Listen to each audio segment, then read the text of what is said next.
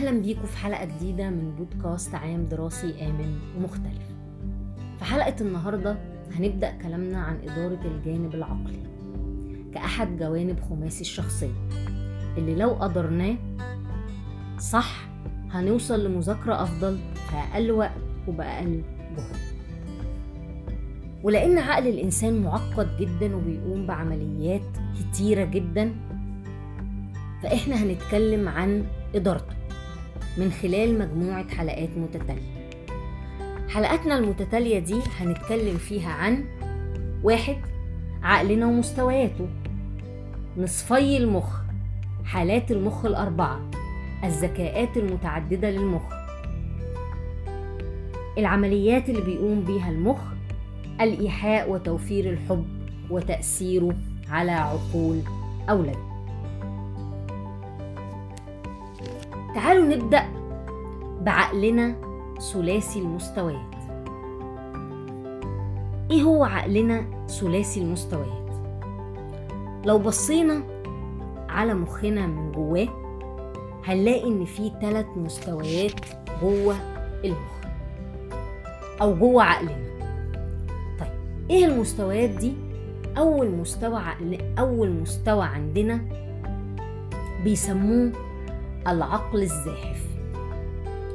ليه؟ لأنه بدائي جدا جدا جدا. وده اللي بيتحكم في مستويات بسيطة قوي قوي قوي من التفكير اللي بيستخدمها المخ. طيب الجزء ده أو المستوى ده من عقلنا بيشغل إيه؟ بيشغل وظائف الجسم اللا اراديه زي التنفس زي ضربات القلب تمام؟ أو ردود الأفعال الفسيولوجية اللا اراديه زي مثلا إن أنا لو جعان أحس إني جعان لو في خطر حواليا ضربات قلبي بتزيد وهكذا. معنى الكلام ده إن العقل الزاحف مسؤول عن الأفعال المرتبطة بتأمين الحياة والحماية. طيب تاني حاجة عندنا هو مستوى أعلى شوية في مسؤولياته وقدراته اللي هو العقل الطرفي. طيب الجزء ده أو المستوى ده من العقل مسؤول عن إيه؟ مسؤول عن الانفعالات العاطفية. حزين فرحان مبسوط تمام؟ وكمان مسؤول عن تنظيم الهرمونات والمناعة. بس كده؟ لا.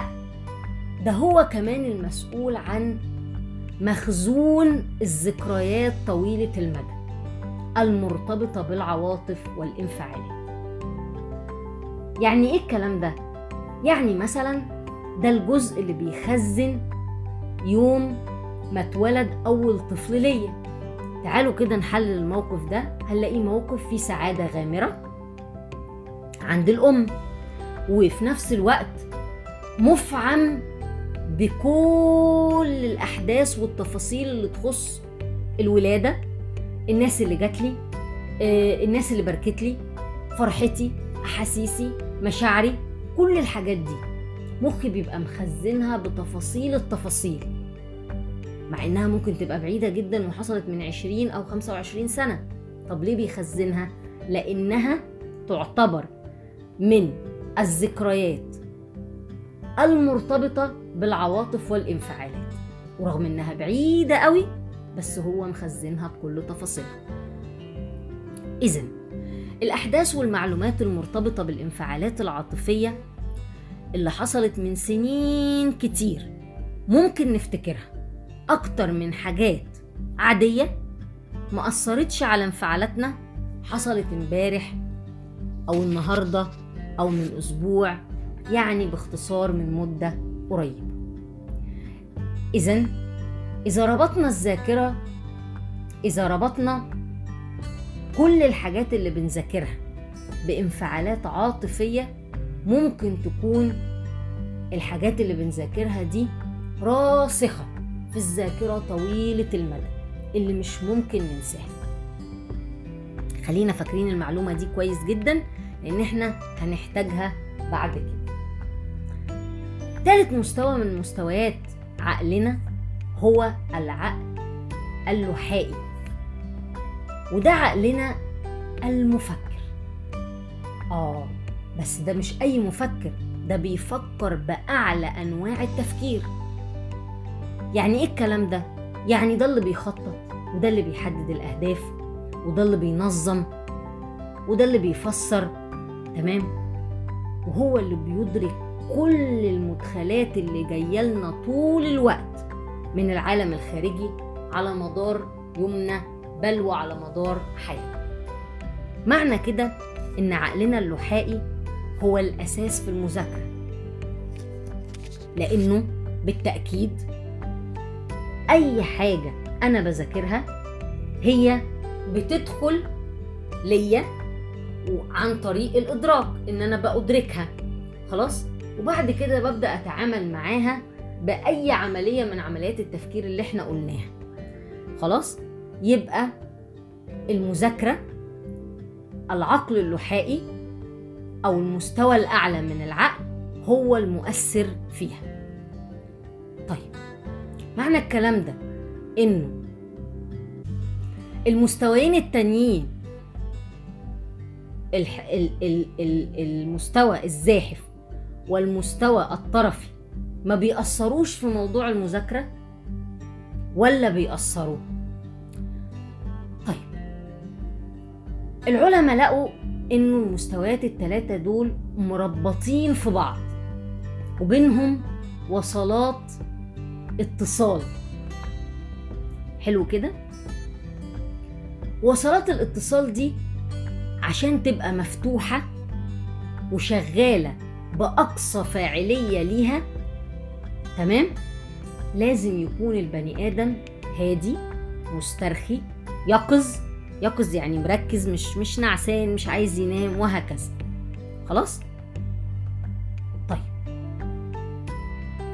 وده هيحقق له إدراك عالي جدا جدا جدا لأن المستوى الأعلى من عقله تمام؟ اللي هو اللحائي هيشتغل بأقصى درجة ممكنة وبالتالي هيحقق أعلى مذاكرة ممكنة. طيب يبقى ده في أوقات اليقظة والاسترخاء. طب أما أوقات بقى الضغط العصبي والقلق والمخاطر والخوف بتكون الوصلات ما بين مستويات عقلنا الزاحف والطرفي وما بين المستوى الأعلى اللي هو اللحائي مغلقة تماما. وهنا أفعالنا اللي بيحكمها العقلين أو المستويين من العقل الزاحف والطرفي وبالتالي المذاكرة هتكون في أسوأ أشكالها. يعني كل ما كان الإنسان خاضع لضغط أو خوف أو قلق معنى الكلام ده إن الوصلات العصبية اللي بين مستويات عقلنا بتبقى مقفولة. وطول ما هي مقفولة إحنا مش هنحقق مستوى عالي من الإدراك ومن الفهم ومن الاستيعاب وما إلى ذلك. وبالتالي مش هنحقق أي مستوى عالي في المذاكرة. في نهاية حلقتنا النهاردة نقدر نقول إن أولادنا لو كل وظائف جسمهم بتعمل بشكل سليم وكل انفعالاتهم متوازنة أثناء المذاكرة هتتفتح قنوات الاتصال لعقلهم الأعلى بشكل كبير. بالتالي إدراكهم هيكون أفضل واستيعابهم. وكل ده هيؤدي لمذاكرة أفضل في أقل وقت وبأقل جهد. بمعنى آخر لو بنذاكر أو لو أولادنا بيذاكروا وهم جعانين أو عطشانين أو متضايقين أو خايفين أو تعبانين أو عايزين يناموا مش هيحققوا نتائج كويسة. حتى لو قعدوا يذاكروا ساعات طويلة. وده بيرجعنا للي إحنا كنا بنقوله في حلقات وحلقات من بودكاست عام دراسي آمن ومختلف.